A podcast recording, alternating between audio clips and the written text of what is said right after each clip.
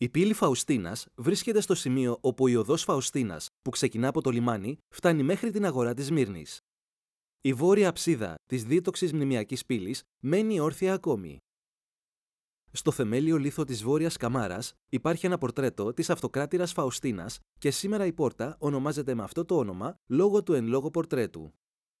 Η πύλη έχει γίνει επίσης το σύμβολο ενός γεγονότος που αποτελεί ορόσημο για την πόλη. Η Σμύρνη υπέστη σοβαρές ζημιές από τον σεισμό του 178 μετά Χριστόν. Όταν η πόλη ξαναχτίστηκε με την υποστήριξη του Ρωμαίου Αυτοκράτορα Μάρκου Αβρίλιου, αυτή η δίτοξη πόρτα που έφερε τα πορτρέτα τους χτίστηκε για να τιμήσει τον Αυτοκράτορα και τη σύζυγό του Φαουστίνα. Τα ερήπια της αψίδας, που πιστεύετε ότι έχει το πορτρέτο του Αυτοκράτορα, πρέπει να βρίσκεται κάτω από το σύγχρονο δρόμο που περνά ακριβώς δίπλα της.